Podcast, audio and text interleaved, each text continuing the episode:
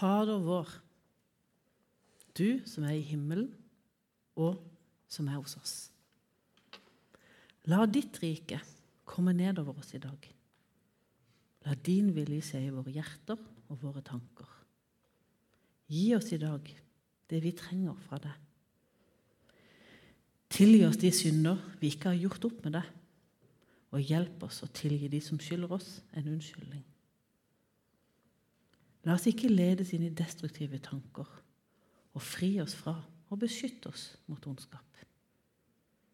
For riket det er ditt, makten er din, æren er din, i all evighet.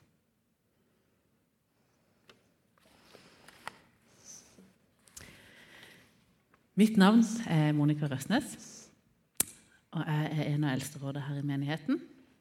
Og I dag har jeg fått lov til å forkynne Guds ord til dere. Eh, stemmen min var ikke helt enig med all denne her velduften, så eh, dere får bære over meg. Og så rister jeg litt på glasset hvis jeg trenger noe mer vann av noen etter hvert. Eh, så får vi gjøre så godt vi kan få til. Jeg tror jeg må bort igjen her så ikke jeg vingler. Så. Jeg er jo litt vinglete, men jeg trenger ikke vingle mer enn jeg skal. Sånn. I høst så har vi en taleserie her fra Bergprekenen. Eh, og vi begynte med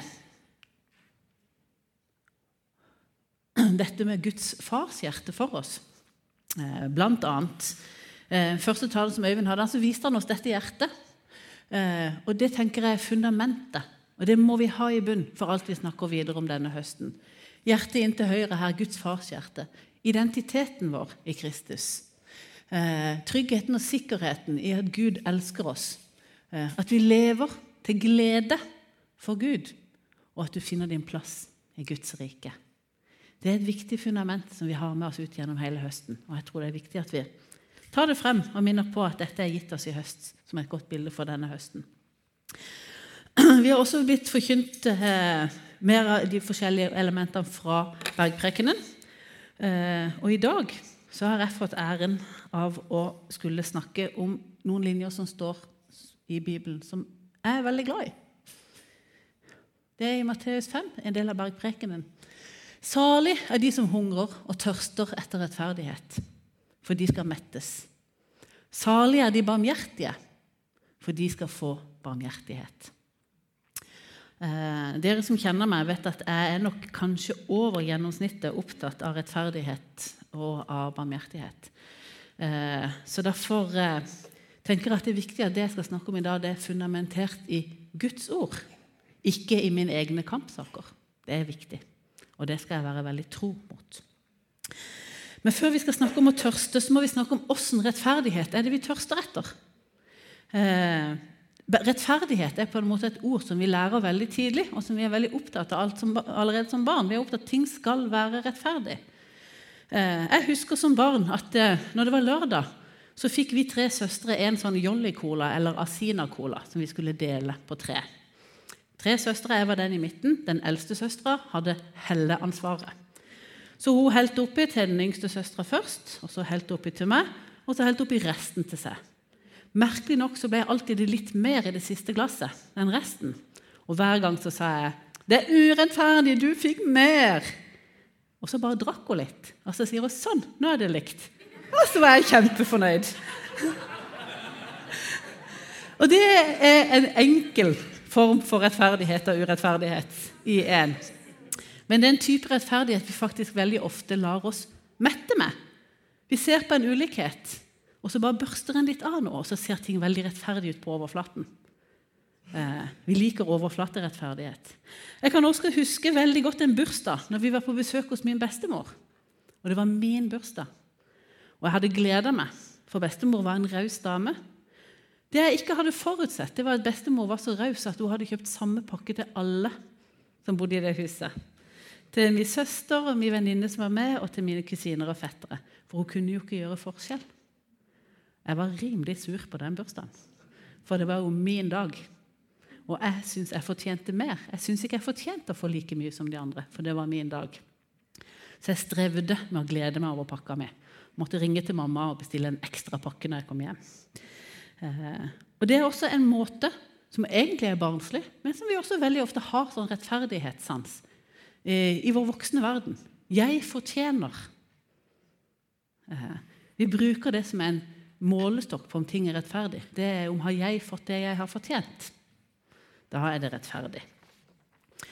Når vi her på jorda snakker om bildet på rettferdighet, så handler det ofte om at alt som er forskjellig, det er urettferdig. Eh, vi spør Gud hvorfor opplever noen krig? Hvorfor opplever noen sult? Hvorfor opplever noen død? Lenge før døden skulle vært der. Hvorfor opplever noen effekten av miljøforandringene, mens andre bare kan helle ut og pøse på? Men spør vi oss hva vi har gjort, hva vi gjør for å være del av den urettferdigheten på denne verden? Spør vi oss sjøl hvordan mørkets fyrste har fått rom til å splitte, til å herske og til å ødelegge her på jorda? Er vi opptatt av at vi er på jorda, der ondskapen fortsatt har rom? Vi er ikke kommet til himmelen ennå. Tyven kommer bare for å stjele, drepe og ødelegge. Men jeg kommer for at dere skal ha liv og overflod. Vi knytter vår rettferdighet urettferdighet til en jord der fortsatt vi har gitt plass til den som vil ødelegge. Jeg skal spille en sang til dere.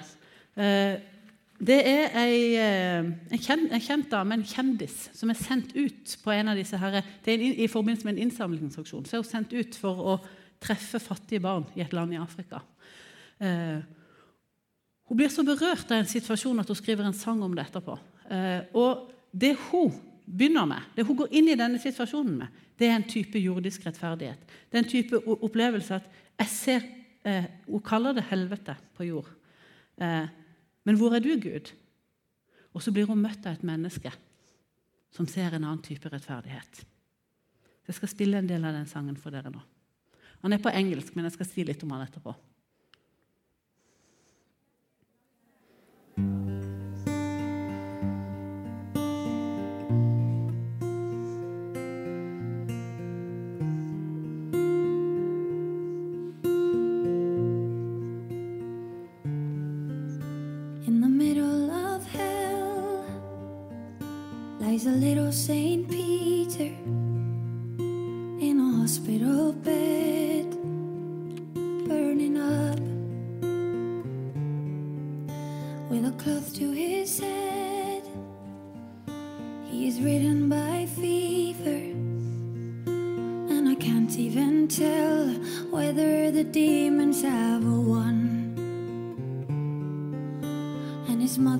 Is there with his brother tied to her back, praying as hard as she can to a God in a land that I think he forgot. In the middle of hell, where death by mosquito is as every day is my coffee or your cigarette. And she says,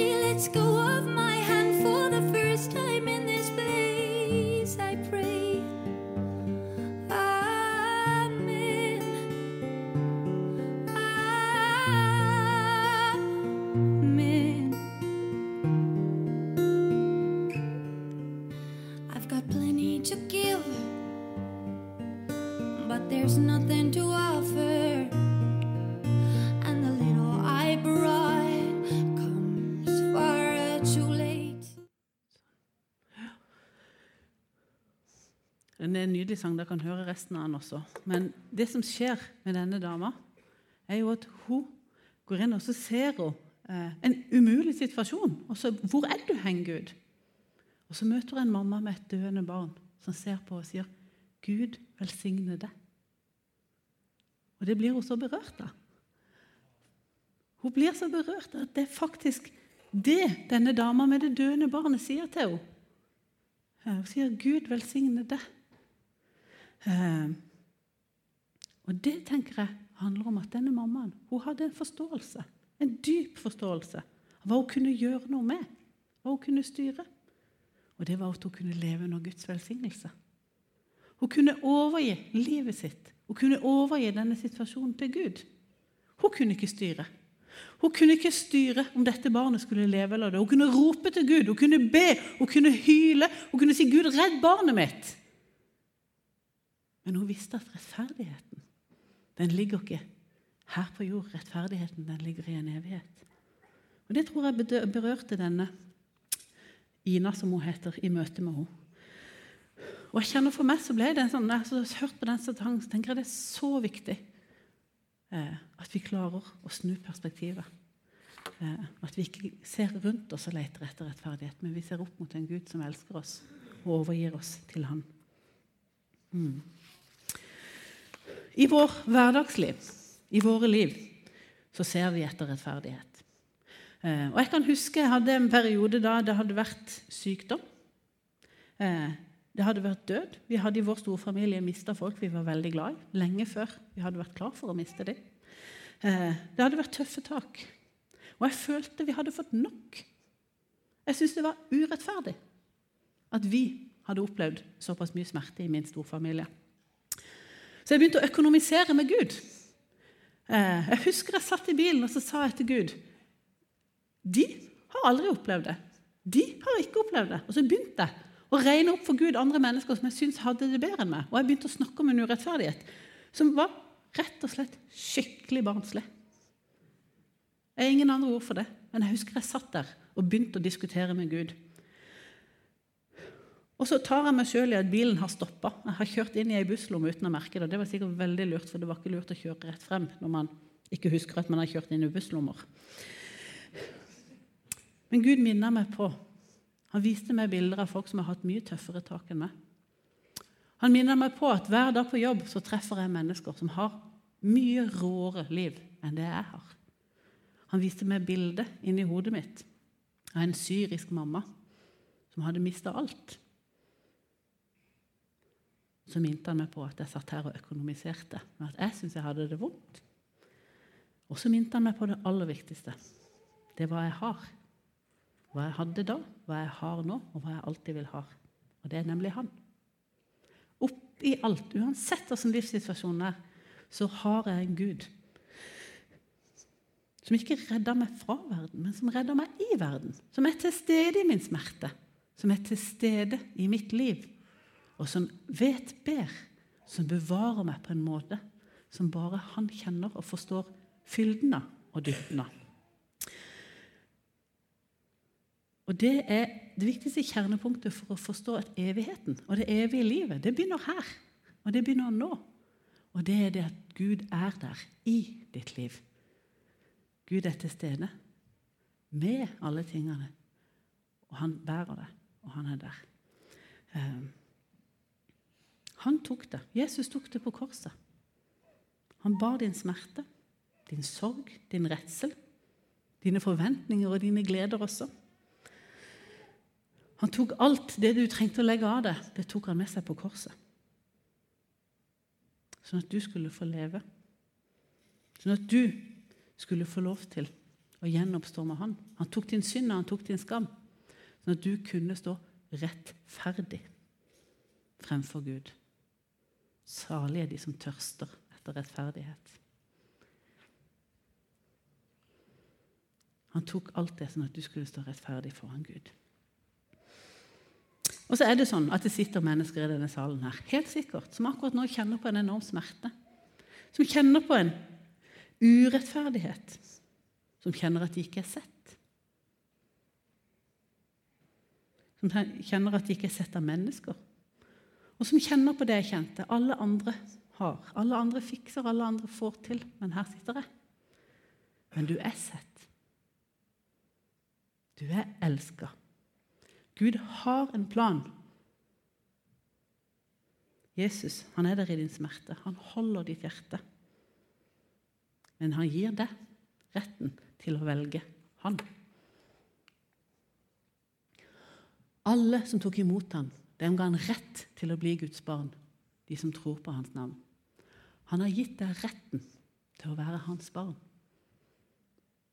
Han har et farshjerte for deg. Så Det å tørste etter rettferdighet, det å søke seg nær Han, stole på Hans nåde, og at Hans død på korset er den eneste veien til ekte rettferdighet. Den eneste veien til ekte rettferdighet. En tekst i Bibelen som på mange måter adresserer det temaet med rettferdighet, det er teksten om den bortkomne sønn. Eh, mange av dere har lest den. Jeg skal bare ta den kort for dere. Den ene sønnen ba om å få arven. Det var en rik pappa, han hadde to sønner. Den ene sønnen ba om å få sin del av arven. Det fikk han. Han reiste ut. Han festa, han mora seg, han heiv penger hit og dit. Han hadde seg med prostituerte, og han spilte og han styrte i vei. Han brukte opp alle pengene sine. Han hadde ingenting igjen. Han var så fattig at han ble satt ned til jobben han fikk, det var å gjete griser og spise det grisene spiste. Eh, du er rimelig langt nede på rangstigen i samfunnet, der han var kommet. Det han da tenker, er at han kan jo, han kan jo spørre om han kanskje han kan bli tjener hjemme hos pappaen sin. For det er iallfall bedre. De som er tjenere hos pappaen, de har det bedre enn de som spiser restene sammen med griser. Så han drar hjem. Og det står så fint at mens han ennå var langt borte, så faren hans og kom og løp imot ham og bare 'Der er du, sønnen min!' Eh, og han står nok litt ydmyk og sier, 'Ja, jeg spør bare om jeg kan få lov til å være tjener her hos deg.' Og faren bare 'Glem det. Du er min sønn som jeg elsker. Kom an. Inn i armkroken. Jeg skal slakte gjøkalven. Jeg skal feste. Du er kommet tilbake. Du er mitt barn. Du har en plass i min, mitt hus. Du har en plass i mitt hjerte. Du har en del av meg. Men den hjemmeværende sønnen som da kom hjem, som hadde vært der hver dag og tjent trofast, som alltid hadde gjort det pappaen hadde ønska at han skulle gjøre. Iallfall nesten alltid, sikkert. Eh, han kommer jo inn og tenker ja, men hallo, du snakket jo ikke gjøkalven for meg. Det er ikke fest og jubel når jeg kommer inn fra gården. Og så svarer han, men du, min sønn, du er jo alltid hos meg. Du har alltid del av hjertet mitt. Han var borte, han kom tilbake. Men jeg har nok plass til dere begge to i hjertet mitt. Kom, nå fester vi. Og jeg husker jeg, da jeg var ca. 15 år jeg var og hørte denne forkynnelsen om den bortkomne sønnen, så husker jeg eh, at jeg, etter den talen så begynte jeg bare å grine. Og jeg grein og jeg grein, og jeg tuta og snørr og tårer og alt. Eh, dette var i Randesund frikirke. Eh, og jeg ble bedt for, bl.a. av Øyvind Augland, faktisk. Eh, men jeg, kunne, jeg hadde ingen ord på hvorfor jeg gråt. Jeg visste ikke helt hva det var som hadde berørt meg. Og Jeg var nokså voksen før jeg skjønte at dette faktisk var en viktig historie i mitt liv. For det er både den bortkomne og jeg er den hjemmeværende sønnen. Og Det som ble så viktig for meg, og som jeg tror har satt seg som et eller annet i hjertet mitt, det er den at vi faktisk så er vi superheldige når vi får lov til å være nær Gud hver eneste dag. Den hjemmeværende sønnen de fikk lov til å leve under Guds kjærlighet hver eneste dag. Og ville noen av dere ha valgt å heller leve et liv borte fra Gud, et liv fullt av smerte, et liv fullt av ydmykhet og nedverdigelse, for så å komme tilbake til Gud? Eller vil dere leve den samme perioden nær Gud? Så for meg så ble det sånn at tillat deg selv at du faktisk er litt begge deler. Og kanskje også litt tør å forkynne. At vi er litt begge deler. Eh, det er rettferdig at vi får lov til å leve i Guds kjærlighet hver dag. Og det er rettferdig at vi jubler og gleder oss og bruker tid og krefter på de som kommer tilbake, de som har vært borte, og de som trenger å møtes av Guds kjærlighet. Og Her tror jeg faktisk at det ligger noen sår. Jeg tror noen av de som kanskje har levd i menighet et helt liv, kan av og til kjenne på det. Får jeg den anerkjennelsen jeg har lyst på? Ja, du gjør det av Gud. Han er stolt av det. Han ser det. Du er der hver dag sammen med han. Han belønner deg for at du får lov til å være i hans nærhet hver dag. Akkurat som en del som har vært borte fra Jesus og kommer tilbake, kan føle på det at de som har vært kristne lenge, de har noe som ikke jeg har fått. Men du har ditt. Du har fått kjenne den deilige opplevelsen av Yeah! han kom tilbake. Fremfor å ja, du kommer der, ja, du som har sløst bort alle pengene mine og tror at du skal fortjene hos meg. ja. Du vil aldri bli møtt sånn. Og du som føler at du aldri har kjent Jesus, som skal bli kjent med Jesus, det er sånn han møter deg. Det er sånn han møter deg. Det er med jubel. Det er ikke med fordømmelse. For han vet hjertet ditt. Han elsker deg. Han vil ha deg tett inn. Så rettferdigheten, det er at uansett hvordan vi har levd våre liv, der vi står nå innenfor vår far, så tar han imot oss. Han gir oss plass i hjertet sitt, for han elsker oss. Og Nå har jeg prøvd å sagt det fra iallfall tre vinkler. For det er viktig. For at hvis vi skal komme videre til det med å jakte på rettferdighet, som på en måte var litt sånn min overskrift i dag, jakten på rettferdighet, så må vi virkelig ha forstått at den rettferdigheten er dyp. Og den ligger i oss, og vi har del i Guds kjærlighet, vi har del i Guds hjerte, vi har del i den rettferdigheten. Men hvordan viser vi det, da? Hvordan viser vi den hungeren og tørsten i hverdagen vår? Bibelen sier jo faktisk veldig mye om det. Jeg kan bare hoppe over hele den barmhjertige samaritan, eller historien her. Men det står bl.a. i Jakob 2, 21-26. Var det ikke pga. gjerninger at vår far Abraham ble kjent rettferdig da han bar fram Isak, sønnen sin, som offer på alteret? Slik kan, kan du se at troen virker sammen med gjerningene hans, og gjennom gjerningene ble troen fullendt. Dermed ble dette skriftet oppfylt. Abraham trodde Gud, og derfor regna Gud han som rettferdig, og han ble kalt Guds venn.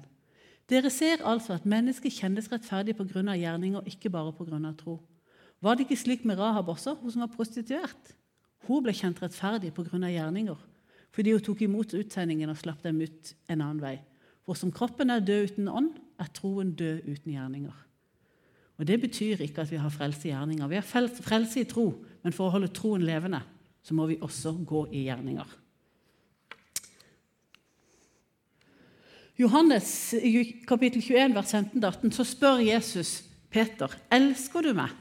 Tre ganger spør han om det.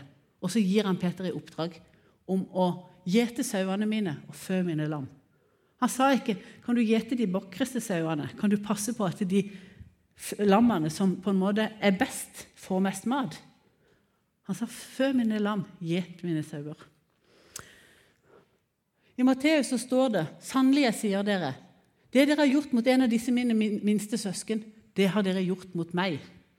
Og her er ikke minste søsken bare barn. Her er minste søsken de som føler seg små, og de som trenger å løftes opp. De som trenger å bli sett. Så husk det, dine minste er ikke bare barna, men det er også når vi føler oss små. Når vi er barn. Og så står det i Markus. Jesus sier til den rike mannen Én ting mangler du. Gå bort og selg alt du eier, og gi til de fattige. Da skal du få en skatt i himmelen. Kom så og følg meg. Så han utfordrer oss på rettferdighet i hverdagen på mange måter. Og selv alt du eier. Det kan også for oss være bruk tida di riktig. Fokuser riktig. Så hvordan kan jakten på rettferdighet synliggjøres? Syns han i vår menighet? Er det sånn? At vi rommer alle.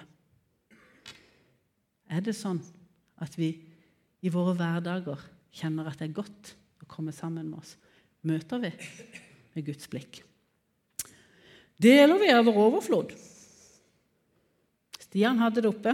Er vi villige til å dele? Bryr det meg at en f.eks. tyrkisk immigrant i Tyskland får høre om Gud gjennom at en menighet som er planta via M4, utvider arbeidet sitt? Og denne tyrkiske immigranten vitner om dette til sine tyrkiske venner. Et land med nesten ingen kristne. Bryr det meg at en destruktiv familie prega av vold i Polen får en ny start etter møtet med gode familieverdier i en menighet som driver et godt generasjonsarbeid? Og at dette sprer seg blant vennene og de andre familiene? I hverdagen vår, hvem er det vi står opp for? Hva fokuserer vi på? Har vi en barmhjertig ryggmargsrefleks? I Kristiansand så sier de det er 2500 fattige barn. Hm. Gir vi dem plass? Ser vi det? Inkluderer vi det? De gamle, de som er ensomme. Har vi fokus? Og Dette skal ikke være moral i det hele tatt. Det er viktig. Eh, men det handler om Guds hjerte, og det handler om at alle sammen har rett til å kalles Guds barn når de tror på Jesus. Og det handler om at rettferdigheten ligger i at vi formidler dette. Hvordan synliggjør vi at vi er et annerledes folk? Det var ei eh, dame som jeg snakka med, som hadde fulgt opp flere barn i veldig vanskelige livssituasjoner. Så hadde hun snakka med ei dame som hadde sagt jeg skjønner egentlig ikke hvorfor du gidder det der. Nei, forresten, vent litt. Jeg vet det. Du er sikkert kristen. Det er bare de kristne som holder på med sånt. Og det var hun jo. Så hun gikk hjem og liksom Yes! Ikke sant? Det er bare de kristne som gidder å holde på med sånt. Og så er jo ikke det helt sant, for det fins mange som gjør flott arbeid, som ikke er kristne. Men det er likevel når vi skal være et annerledes folk. Vi skal være de kristne som gidder å strekke oss. Som gidder å gå over grenser, og som gidder å gå en kanskje ikke en mil ekstra, men iallfall en kilometer ekstra. For noen, og noen av oss kan strekke en mil minst. Jeg syns denne er fin. Mot Teresa. Det er en liten blyant i Guds hånd. Gud skriver et kjærlighetsbrev til verden. Jeg har lyst til å være en blyant som er med og skriver et kjærlighetsbrev. Men hvem er det jeg hilser på? Hvem er det jeg tenker har rett til Guds rike? Hvem er det jeg møter? Hvilken fotavtrykk setter jeg i andre mennesker sine hjerter? Jeg skal vise dere en liten film til.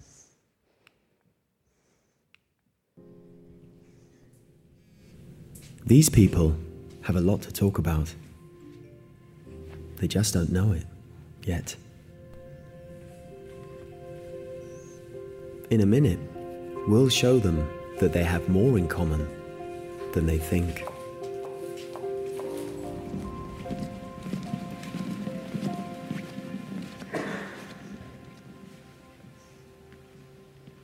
Hej alle sammen. Tak fordi I er kommet. Thomas, vil du stille dig der? Og Aske?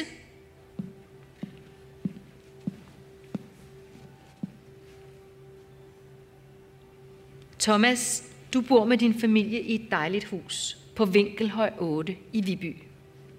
Før I flyttede ind, var det faktisk dit barndomshjem, Aske. Det er rigtigt. Ja. øh, fodbold i haven om sommeren. Og, Kan jeg lige forestille mig? Ja, præcis. Vi laver igen. Mathilde, vil du komme herop? Hej. I to har faktisk stået over for hinanden før. Okay. Men der var I 12 år. Og det var i en rugbykamp.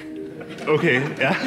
Kampen endte i øvrigt 42-0 til Askeshold. Tak for kampen. Ja, tak. Inger,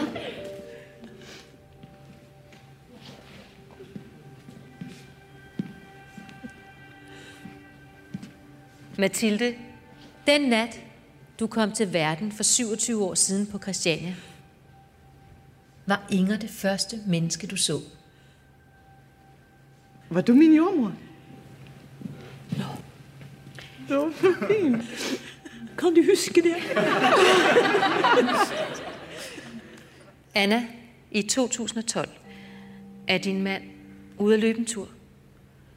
Pludselig falder han om med hjertestop. Ja. Heldigvis er der en, der reagerer hurtigt og redder ham. Knud, vil du komme herop? Tak.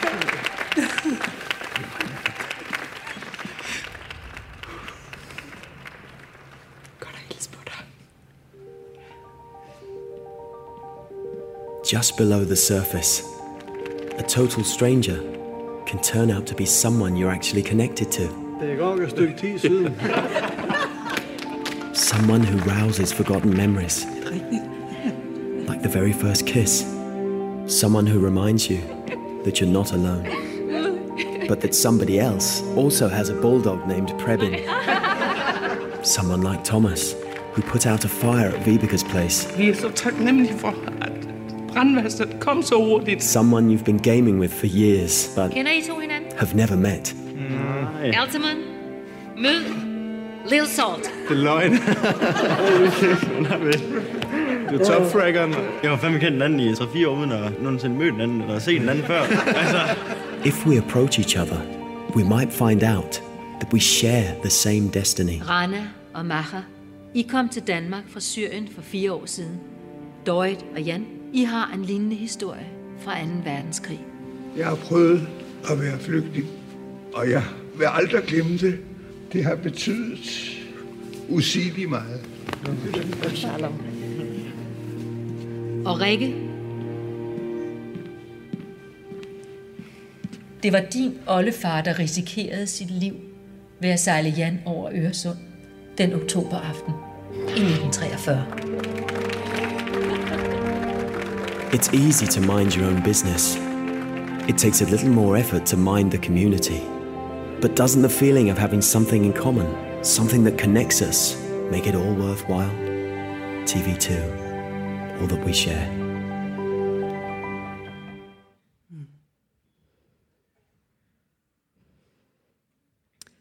Du vil aldri se inn i øynene til noen som Gud ikke elsker. Vær snill. Alltid. Vi setter fotspor i andre menneskers liv, om vi vil det eller ikke. Sett gode fotspor. Sett fotspor som gir minner og erfaringer. Trekker folk nærmere Jesus. Sett hans fotavtrykk inn i andres liv. Salig er de som hungrer og tørster etter rettferdighet, for de skal mettes. Salig er de barmhjertige, for de skal få barmhjertighet. Skal vi avslutte med at vi skal synge en av de vakreste sangene jeg vet, som utfordrer hjertet mitt på en viktig og riktig måte.